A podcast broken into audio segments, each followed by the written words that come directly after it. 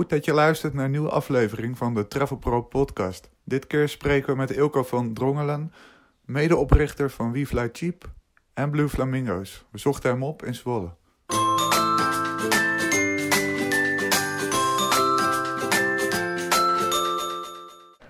Ilko, we spraken elkaar uh, nou, eigenlijk best wel in het begin van jullie, uh, de start van We Fly Cheap. Uh, jullie begonnen, dat vertelden jullie toen ook, ja, eigenlijk in je studententijd, je had geldgebrek hè, en dan gingen op zoek naar goedkope tickets. nu willen de mensen niet eens een goedkoop ticket of een goedkope vakantie. Dat kan gek lopen. Ja, ja. Nee, dat kan zeker gek lopen. Dat ja. uh, klopt. Zeven jaar geleden gestart. Uh, We Fly Cheap. Inderdaad vanuit de passie voor reizen. Vooral omdat we, Ruud en ik, uh, Ruud mijn medeoprichter, vooral een passie hadden om echt ja, goedkope ticketdeals te vinden. Pakketreisjes, stedentripjes, noem maar op. Um, ja. nou ja, die passie wilde delen met, met alle Nederlanders, zodat iedereen goedkoper kon reizen. Nou, dat is ook wel goed gegaan. Zeker in die begintijd heel veel media-aandacht gekregen. Wat een leuke katalysator was om sneller te groeien. Want we hadden geen marketingbudget. Gestart ja. met allebei uh, inleggen van iets meer dan 1000 euro. Ja, dan kun je niet geld aan besteden aan uh, marketing. Dus de media die heeft echt voor dat vliegwiel uh, eigenlijk gezorgd in die beginfase. Nou ja, daardoor zijn we jaar op jaar eigenlijk mooi kunnen blijven doorgroeien, kunnen blijven ja, innoveren en waarde kunnen toevoegen aan de klant, hè, steeds weer vernieuwen. Ja. En daar is wel, wel een beetje een klapje in gekomen ja, op een gegeven moment dit jaar. Ja. Kan je ons terugnemen naar de eerste dagen dat het coronavirus, ja. uh, ja, dat het ook hier losbarstte? Of misschien hadden jullie al wel eerder iets door van dat er iets speelde in Azië? Ja, ja. je zag het natuurlijk wel. Op een gegeven moment in Azië, in januari kwam het een beetje in China op. Maar toen was het echt voor iedereen nog een ver van mijn bedshow. Toen werd Azië bij ons eigenlijk ook gewoon nog wel doorgeboekt. En werden gewoon nog tickets die kant op geboekt. En mensen okay. maakten zich nog niet zoveel zorgen. Nou, eind januari, begin februari zag je er wel een kentering in. De ja. mensen die naar Azië gingen, die, uh, nou, daar had je ook wat meer uitbraakjes kreeg je in Korea. Uh, er was misschien één geval op de Filipijnen, ergens in Thailand een verdwaald geval. Oh, dus ja. toen zag je daar al wat, uh, wat, ja, wat stagnatie eigenlijk op het product Azië. Maar voor de rest had het nog niet, nog niet echt invloed. De rest boekte eigenlijk nog gewoon door. Het werd een beetje ontkend ook in Nederland. Hè? Het RIVM zei, het is niet zo gevaarlijk, het komt niet hier. En als het hier komt, dan is het heel goed in te dammen. En dan is er eigenlijk niet zoveel aan de hand. Dus we werden toen eigenlijk een beetje geframed omdat het allemaal nog niet zo heel ernstig uh, zou zijn of zou worden. Ja. Nou, dat had zeker wel een invloed op uh, de boekingen van toen. Dat ging allemaal lekker door. Ja, tot op het moment dat het in Nederland natuurlijk ook steeds meer uh, ging, ging komen en steeds meer gevallen kwamen. Ja. Dat er ook persconferenties bijna elke dag of elke twee dagen kwamen. Ja, toen zag je al wel echt een kentering. Um, ja. Maar het ging pas echt helemaal 100% omlaag van de een op de andere dag na de totale lockdown-aankondiging van uh, de minister-president. Ja, heb je het zelf uh, onderschat als je achteraf terugkijkt? Um, ja, dat vind ik een lastige vraag. Ik denk, uh, ik denk het wel. Ik denk dat ik ook ben geframed door de uitspraken van de, van de politiek en van het RIVM. Dat ik daar ook wel beïnvloedbaar was. Uh, dat ik ook dacht van, nou ja, dat, iedereen zei dat het is misschien een korte tijd dat we in lockdown gaan. Of we gaan of helemaal niet in lockdown, was het in het begin nog. Hè. Ja. Er waren een paar partijen die dat wel wilden, maar de meeste wilden dat niet. Uh, dus dan heb ik, heb ik het ook onderschat. Ik dacht in het begin van, uh, nou ja, als de meivakantie weer flink doorgeboekt kan worden, dan hebben we maar een maand slecht weer gehad. Ja. Dan valt het allemaal nog wel mee. Ja. Dat is zeker iets wat ik wel in het begin had gedacht. Maar goed, okay. op een gegeven moment werd het er wel duidelijk, richting eind maart dat de meivakantie dat het dat ook niet werd. Ja. En toen, uh, ja, dan ga je natuurlijk wel nadenken over de rest van het jaar. Want toen zag ik het ook niet zo snel gebeuren dat er in de rest van het jaar weer normaal gereisd zou worden. Ja, want uh, uh, jullie hadden op een gegeven moment door dat het niet de goede kant op ging. En toen kwam dus Blue Flamingo, ja, zeg maar, ja.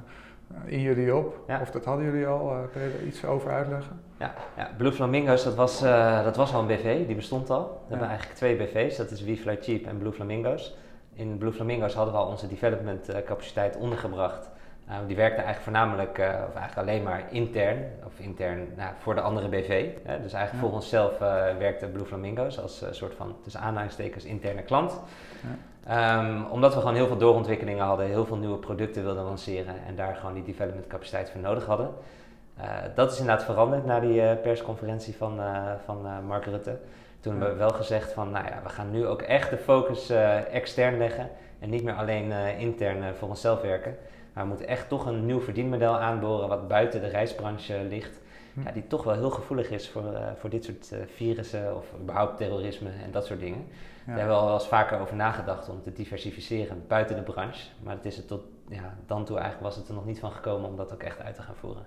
Nee. Maar dit was wel de nummer één aanleiding om het wel, om het wel te gaan starten.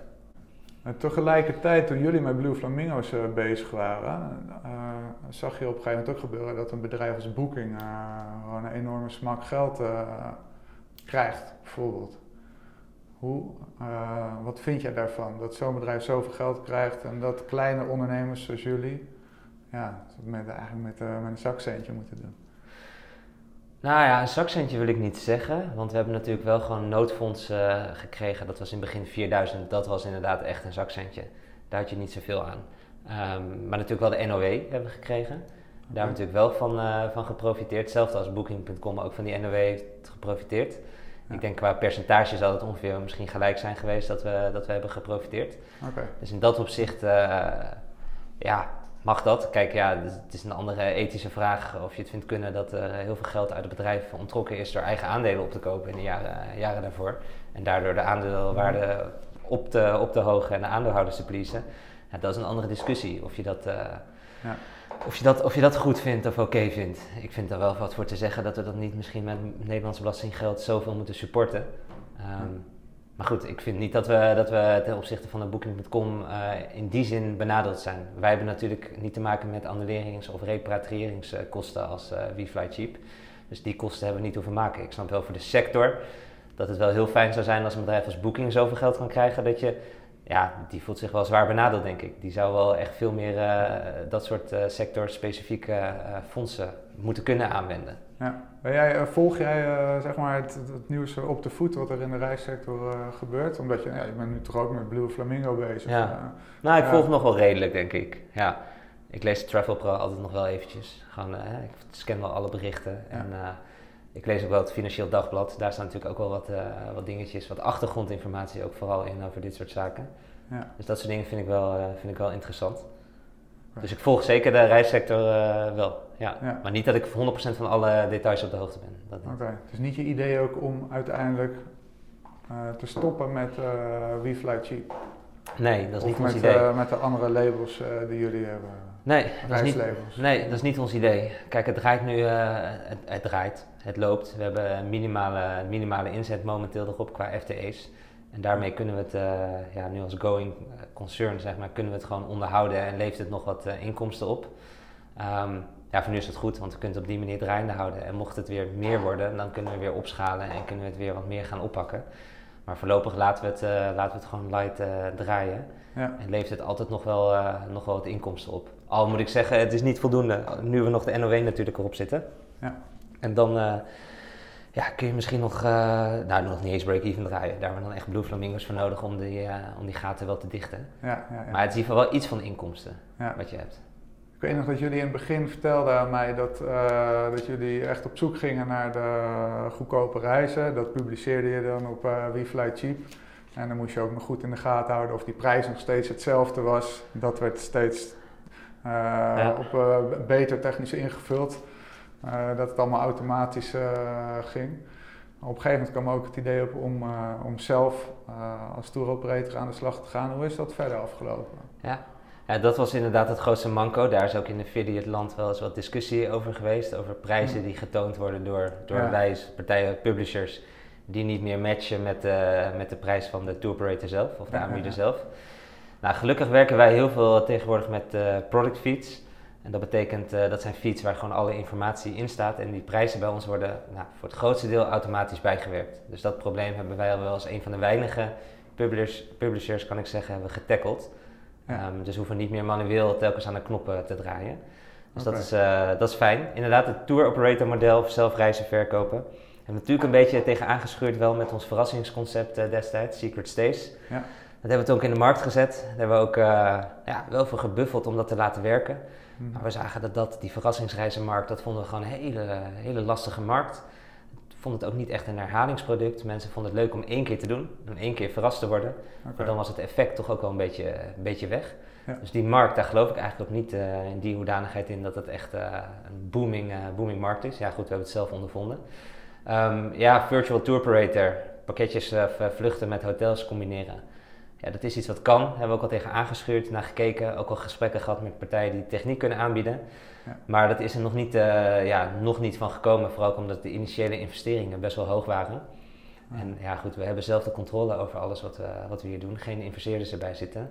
Hm. En we vonden dat eigenlijk dat, uh, ja, het risico nog niet afwegen tegen, ja, tegen de veranderingen die we eigenlijk zouden moeten doormaken als, uh, als bedrijf. Ja. We zagen dan ook nog wel weer andere mogelijkheden om geld te verdienen. Die misschien net wat simpeler waren in te richten. Zonder zware customer support of customer service. Hebben die investeerders wel aangeklopt trouwens? want ja, jullie hebben natuurlijk al een ontzettend bekende naam. Ja, wel is. Uh, ja, we krijgen wel eens wat reacties van uh, mensen die wel wat willen. We houden het toch nog vaak wel een beetje, een beetje af. We gaan wel in gesprek. Um, maar we zitten ook niet zo om te springen. Zeker niet in deze tijd. Ik bedoel, ja. Denk je dan niet nu van, oh, had ik dat toen maar gedaan? Ja, nou, weet ik niet. Ik heb niet zo. Dat, nee, want het is ook niet zo concreet geworden dat het, uh, dat het echt al in een, in een, okay. een heel een eindfase stadium zat of iets hm. dergelijks. Kijk, wij willen altijd gewoon de controle houden en de ondernemer blijven die we zijn. En we willen niet uh, dat we, dat we ja, in dienst komen zeg maar, van een uh, private equity fonds of een uh, bepaalde investeerder. En dat we als schooljongetjes elk derde of elk kwartaal met de cijfers langs moeten komen. Daar zijn wij niet de types voor. Dat past niet bij ons. Ja, nee, dus ik heb daar geen spijt van hoor. Nee, dit is gewoon goed. We hebben zelf de controle. En dat, ja, het is gewoon goed. En we hebben nu weer een goed plan bedacht om weer de toekomst in te gaan. Ja, maar toch stel ik me dan ook voor dat inderdaad, je, je hebt nu je Blue Flamingo. Ja. Um, Eigenlijk ligt nu uh, WeFly Cheap, zoals Blue Flamingo altijd uh, in de kast heeft gelegen, ligt WeFly Cheap eigenlijk, ja, je zou kunnen zeggen, een soort van in de kast. De boel draait door. Maar dan straks als alles weer normaal is, dan pak je dat weer op. En dan wil je dat misschien weer een boost geven. Um, denk je dat je dan op dezelfde manier doorgaat met WeFly Cheap? Of heb je dan, zit je daar al over na te denken van, hey, dan willen we een heel ander concept uh, gaan hanteren? Nou, ik ja, nee, kijk, we gaan niet op dezelfde manier door met WeFly Cheap. We gaan het, uh, wat we al voornemens waren, ook met de nieuwe website die gelanceerd is in uh, april, veel, meer, veel meer automatiseren. Dus het, de, de, de, menselijke touch eigenlijk die eraan zit, het content schrijven op dagelijkse basis, dat wordt echt stukken minder. Dus we zullen dat met een kleinere bezetting kunnen gaan uitvoeren in de toekomst. Ja. En dat is, ja, dan is het ook al sneller weer lucratief natuurlijk om, om dat uit te voeren. Um, ja, en verder qua, qua twist, qua, ja, ik weet niet precies waar je op doet, maar qua aanbod of iets dergelijks of qua concept, nee, dat blijft, wel, dat blijft wel ongeveer gelijk. Ja, Dat, ze nu, dat er nu wordt gezegd dat mensen misschien wat minder gefocust zijn op een goedkoop reisje met weinig service. Uh, dat, dat ze toch wat meer waar willen voor hun geld, zeg maar. Dat, ja. ja. meer duurzaam, meer persoonlijke aandacht. Ja. ja, maar dat kan natuurlijk ook. Hè? Wij zijn op BeFly Cheap, de naam die, is, die spreekt tot de verbeelding dat je denkt goedkope vliegtickets, zeg maar. Ja. Maar BeFly Cheap is wat dat betreft al veel meer. Het is gewoon reizen voor een goede prijs-kwaliteit verhouding. En ja, een van onze meest populaire reizen zijn altijd de vijf sterren, luxe vijf sterren resorts, die gewoon relatief goedkoop zijn maar toch wel heel veel uh, luxe en gemak uh, toevoegen voor de consument. Okay. En we hebben nu ook een shift, shift natuurlijk gemaakt naar aanbod in Nederland. Glamping, camping, vakantieparken, vakantiehuisjes, natuurhuisjes, om maar een voorbeeld te noemen. Nou ja, daar doen we best wel, best wel veel mee. En we zien ook wel dat dat wel, dat dat wel goed, goed aanslaat momenteel. Ja. En in die, die manier maak je toch al een beetje op het huidige concept wel een beetje de shift naar de veranderende consument, die wel inderdaad andere wensen en verlangers heeft. Um, maar ja, in essentie is een vliegticket, als je alleen een vliegticket, als je daarvoor op narrowed, is gewoon een vliegticket natuurlijk. Ja. Daar, zit, uh, daar kun je dat onderscheid natuurlijk niet echt in maken. Je hebt low, ah, low cost en premium airlines. Maar ja, dat zullen we bij de, bij de promotors, zolang die tarieven natuurlijk goed zijn. Ja, inderdaad. Je, je vaart ook wel natuurlijk op, uh, op je bekende naam. Ja. Uh, je vertelde al inderdaad, van we doen nu best wel veel Nederland in verhouding met voorheen. Ja. Ik bedoel, ja, we fly cheap. Als je dan dus Nederland weet te verkopen, dan dat is knap. Ja, en dat was best wel, best wel lastig. Um, nou, we doen altijd wel iets van Nederland, maar we hebben dat natuurlijk flink moeten opschalen de afgelopen tijd. Alleen we hebben natuurlijk qua online marketing uitingen en posities hebben we daar niet de focus op gehad in de afgelopen jaren. Dus je begint al echt met een enorme, enorme achterstand. Plus je moet je, je klanten, je fans moet je eigenlijk weer een beetje, moet je wel een beetje rebranden richting dat we ook heel veel Nederland uh, aanbod hebben. En uh, ja, ook campings. We hebben de afgelopen zeven jaar denk ik nooit een camping gehad of een glamping bijna. En nu, uh, als je op de website kijkt, staat het er wel bol van.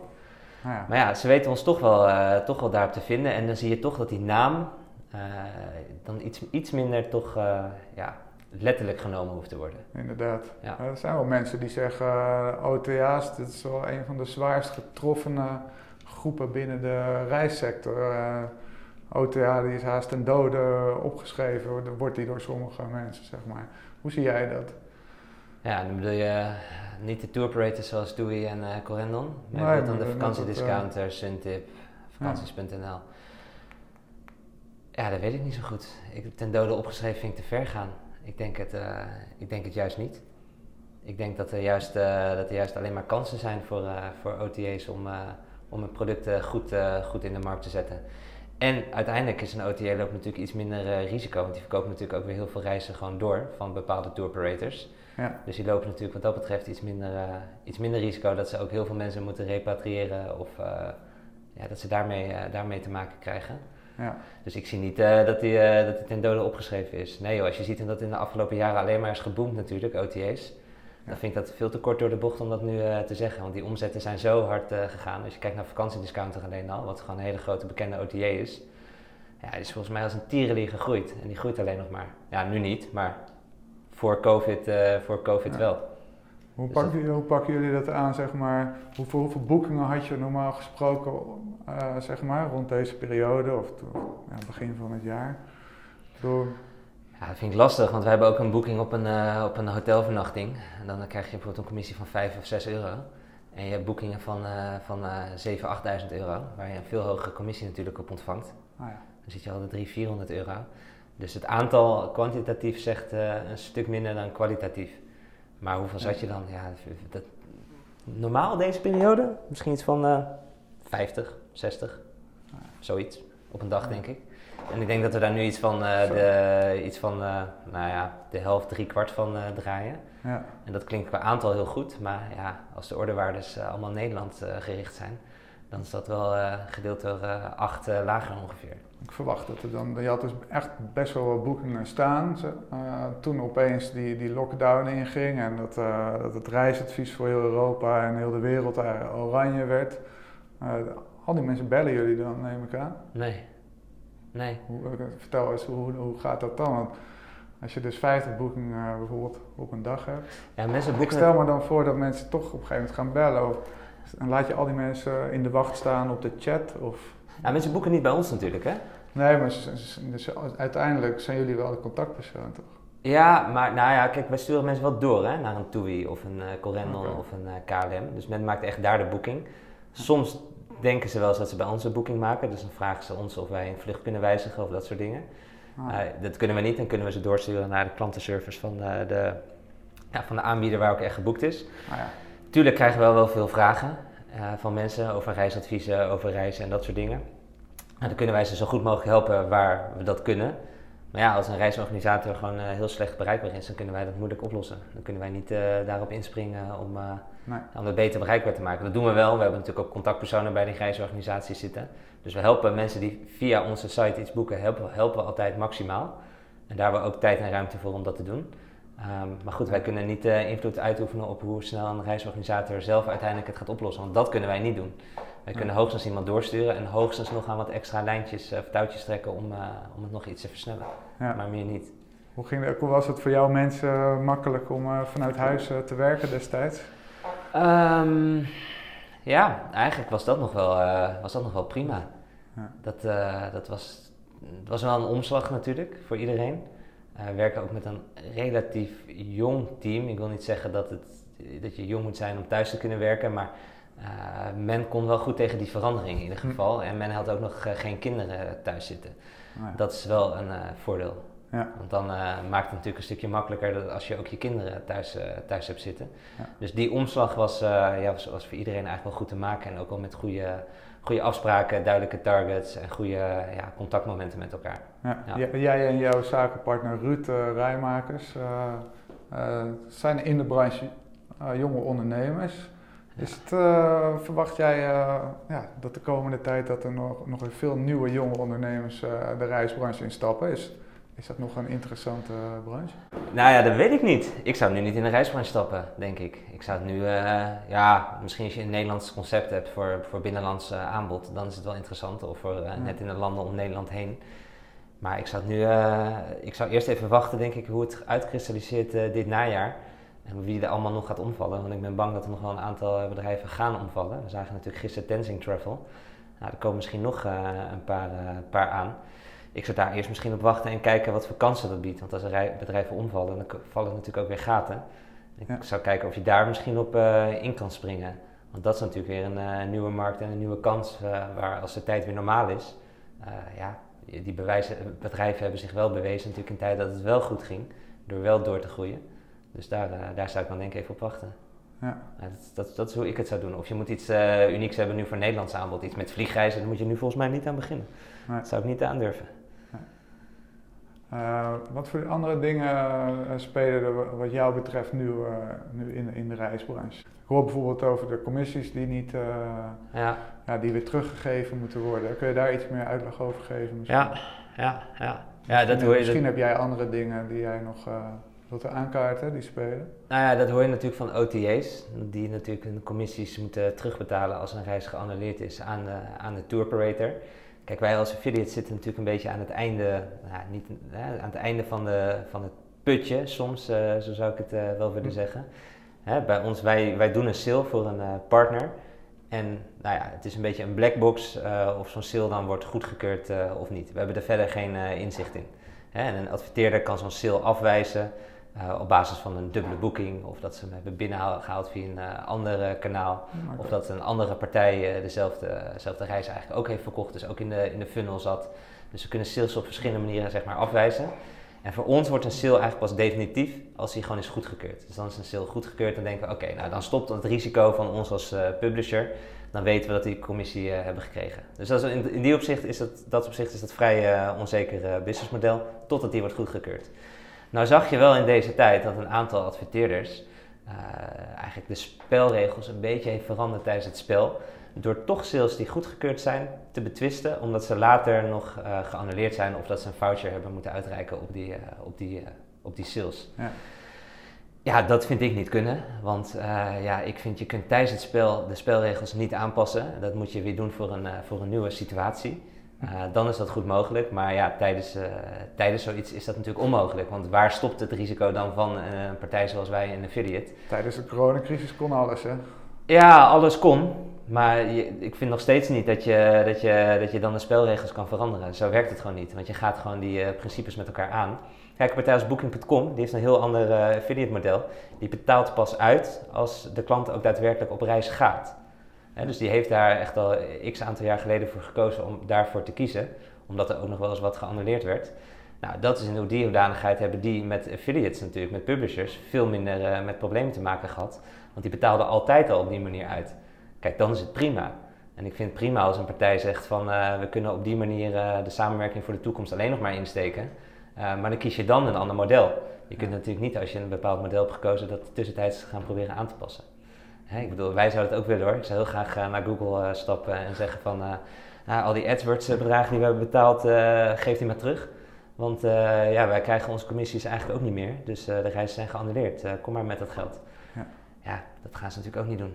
En dat kan ook niet, want dat is ook niet het model. Zo werkt het niet. Hmm. Zijn jullie er wel uitgekomen dan met de partijen die dat hebben gedaan? Um, ja, in hoeverre je eruit kan komen. Hè. Het is soms gewoon, uh, soms uh, ja, moet je gewoon de bittere pil slikken en, uh, en kun je niet anders. Dat is natuurlijk niet, niet gunstig misschien voor een toekomstig partnership. en met één partij zijn we er nog in over onderhandeling, wat er gaat gebeuren. Ja. Hm. ja spannend. ja, want het gaat best wel over grote bedragen. En ook wij hebben te maken met, met een cashflow en met cashflow issues. Die niet bijzonder positief zijn, zeker niet voor het najaar. Dus die bedragen die kunnen we natuurlijk wel gebruiken. Plus we hebben die marketingkosten natuurlijk gewoon volop, volop gemaakt. Ja. Die kun je niet meer terugkrijgen. Is dat dan wel een partij waar je partner van wil blijven? Ja, dat is de vraag. Het is in good times en in bad times inderdaad. Ja. ja. Dus dat is wel iets wat je, wat je jezelf moet afvragen inderdaad, ja. Ja, klopt, absoluut. Denk je dat, dat die manier van werken hetzelfde blijft? Of Wordt daar al over gepraat? Van hoe moet het in de toekomst verder? Ja, Ja, dat, het, het zou kunnen dat er wel... Kijk, dit was inderdaad natuurlijk een hele unieke situatie. Ja. Ik denk dat, eh, dat niemand dit had kunnen voorspellen dat dit op deze manier eh, zou gebeuren. Ehm, en als je ziet het aantal partijen dat er op deze manier mee omgaat, dus voor ons in negatieve zin, dan is dat wel heel klein hoor. Dan is dat echt, eh, echt op één hand eigenlijk te tellen van onze, nou ja, van onze 30, 35 tal partners. Mhm. Dus Ja. dat is echt wel heel weinig. De andere eh, gewoon partners van ons die hebben daar geen problemen mee gehad en die hebben dat gewoon op een normale manier doorgedaan. Eh, het zal nu voorlopig zal het veranderen. Voorlopig zal het, wel, eh, zal het wel aangepast worden. Je ziet op partijen dat die keuringstermijn, hè, dus tot die goedkeuring van SIL, Ja. wordt aangepast. Nou ja, in extreme geval tot twee jaar. Weet je wel? Dus dan wordt Oké. de SIL pas goedgekeurd tot maximaal twee jaar na dato. Hm. Ja, dat staat natuurlijk helemaal nergens op. Dat kun je niet meer samenwerken, doen dus ook niet. Nee. Eh, maar dat is voor, voor die partijen om het risico gewoon, eh, gewoon eh, volledig te beperken eigenlijk. En echt pas uit te betalen als mensen pas weer terug zijn gekomen van, van de reis. Oké, Ja. wauw. En dat werkt voor ons niet, want dat zit een veel te, veel te lange tijd tussen. Hm. Ja.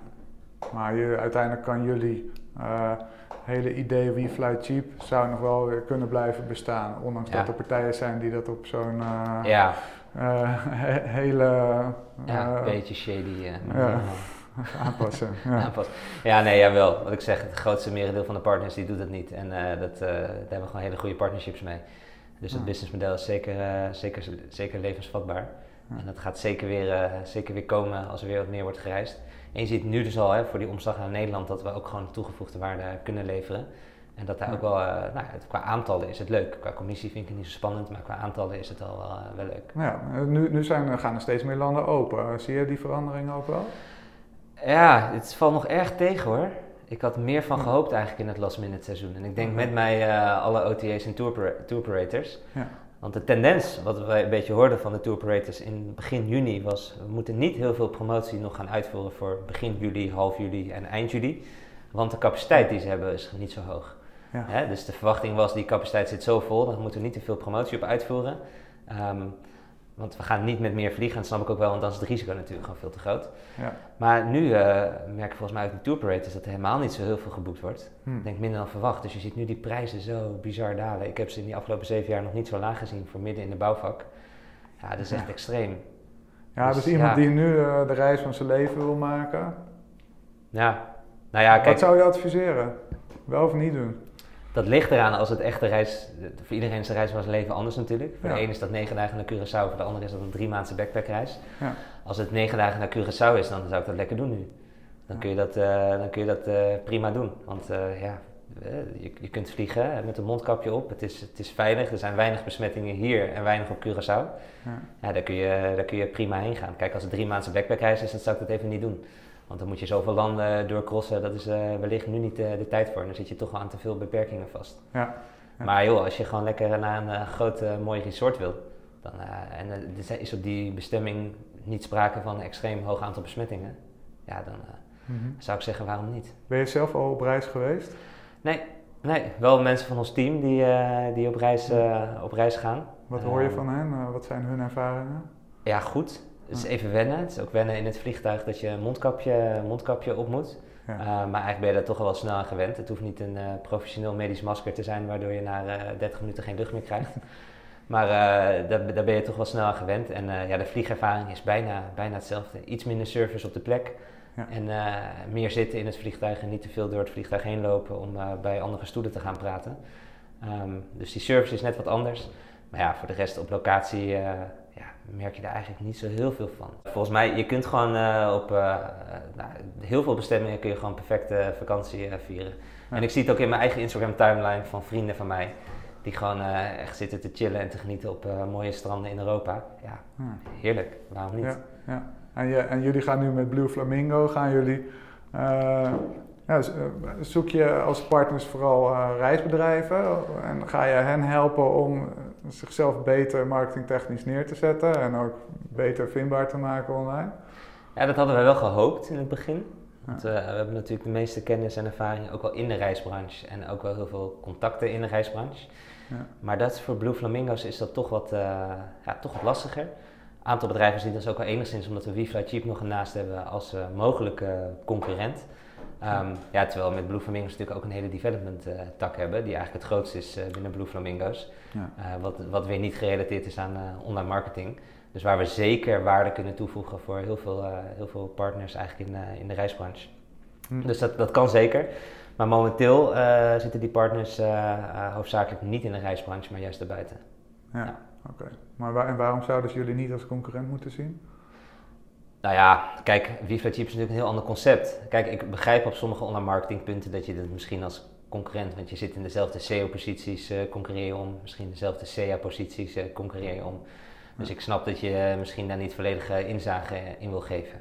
Maar goed, als je het gewoon over een SEC, over een development klus hebt. Dus als je echt zegt van, nou, we willen een nieuwe app of een, nieuwe, een nieuw stukje websitevernieuwing. Of we willen een, een login gedeelte of whatever willen we aanpassen ja, dan zie ik die concurrentiegevoeligheid niet, omdat we met WeFly Cheap uh, ja, die producten bijvoorbeeld helemaal niet aanbieden. We zijn geen tour operator, we zijn geen OTA. Ja. Um, ja, daar zit niet heel erg veel uh, concurrentiegevoeligheid in. Op online marketingvlak op sommige punten, uh, daar, snap ik hem, daar snap ik hem voor SEO, CA snap ik hem iets beter.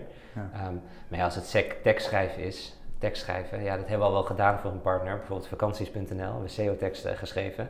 Ja. daar zie ik die concurrentie ook, weer, ook weer niet echt. Oké. Zit er meer samenwerking in met uh, vakantie.nl? Ja, dat zou kunnen. Ja, ze hebben natuurlijk net ook Soever overgenomen. Ja. Dus hebben ze natuurlijk al een hele batterij volgens mij personeel er ook uh, bij gekregen. Ja. Dus ik weet niet hoe dat in de toekomst, uh, toekomst gaat. We hebben wat heel goed vakanties, of, uh, contact met vakanties.nl, met Judith ook. Ja. Dus dat zou zeker kunnen. Hoe zie je verder de toekomst? Reissector? Reissector. Ja, reissector zie ik hem toch wel een flinke dip nu. Wat het nu is, dat is, dat is gewoon zo. Ik zie die ook wel enigszins uh, nog een tijdje aanhouden. Ik hoop van niet. Ik hoop dat er snel vaccin komt en dat, uh, dat we gewoon weer gaan reizen. Maar ik zie toch wel een stukje verandering in gedrag bij, uh, bij consumenten en bij klanten. Ja. Nederland van dichtbij, of gewoon dichtbij Nederland, wordt nu ook ontdekt. En mensen vinden dat toch wel heel erg leuk. Ik was zelf vorige week in Nederland op vakantie op een camping in een safari-tent. En er zaten echt op dat veld een aantal personen die nog nooit hadden gekampeerd in zo'n safari-tent, die alleen maar op vliegvakantie gingen. En ja, vond het mooi om te horen, maar ook weer niet. Maar die zeiden ook van, dit bevalt toch eigenlijk wel heel erg goed zo lekker in zo'n uh, tent. Hm. Niet met die hele hussel met het gezin, uh, het vliegtuig en een resort in. Maar gewoon simpel op een tent, uh, ja.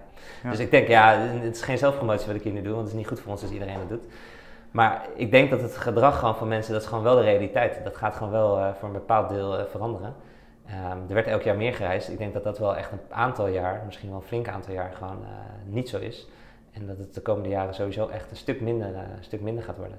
Ja, ja, dat denk ik wel. En dat is gewoon een nieuwe realiteit. Daar moeten we gewoon met uh, de hele reisbranche mee omgaan. Dat je misschien niet op 100, maar op 80% gaat zitten, 20% minder. Als COVID weg is, hè. Um, ja, is dat dan heel erg, is ook de vraag. Misschien wel niet. Maakt het spel ook alleen maar leuker natuurlijk van concurrentie. En dat je, want die 80% is nog steeds heel veel. Ja. Hoe zie, je de, hoe zie je de toekomst voor dat stukje in de reisbranche waar jullie uh, in zitten? Dat, uh, het affiliate gedeelte, zeg maar. Um, ja, dat zie ik eigenlijk wel. Uh, ja, daar zie ik niet heel veel verandering gaan optreden. Okay. Nee, ik denk ook dat die koek, die wordt gewoon wat kleiner, omdat hij in zijn geheel wat kleiner wordt. Er zijn toch wel veel ondernemers die daar moeilijk en lastig hebben. Ja, ja, ja, klopt. Um, het voordeel is wel dat heel veel ondernemers in de affiliate branche zitten, zijn niet professionele organisaties natuurlijk ook, met meerdere medewerkers op de loonlijst. Dus het zijn heel veel één-pitters of twee-pitters. Hm. Dus die zullen, dit wel, eh, die zullen dit wel uitzingen. Je hebt natuurlijk de grotere partijen zoals uh, wij en een aantal andere grote concurrenten van ons die het, wel, uh, die het echt wel lastiger hebben. En die het misschien ook nog wel lastiger gaan krijgen. Of dat op die manier vol te houden is, zo'n business. Ja, op het oude model zeg ik van niet. Dat is niet mogelijk. Daarom hebben wij dus al heel erg afgeschaald en slaan we ook deels een andere weg in. Ja. Ehm, met heel veel personeel, uh, ja, dat is gewoon niet meer, uh, niet, meer, niet meer te doen. Dat kon in de hoogtijdagen, maar dat is, uh, daar is het affiliate model ook de laatste jaren eigenlijk ook al te veel voor veranderd. En okay. het proces van afkeuringen, wat ik net zei, is al een stuk ingewikkelder geworden dan een aantal jaar geleden, waarbij je veel makkelijker geld kon verdienen op affiliate dan nu. Je moet nu echt veel meer waarde toevoegen voor je partner dan in het verleden. En dat is ook alleen maar goed hoor, vind ik een goede ontwikkeling. Ja, ja, ja. Bedankt voor je tijd. Yes. Dan laten we een Tony nemen. Graag gedaan. Top. Doe maar.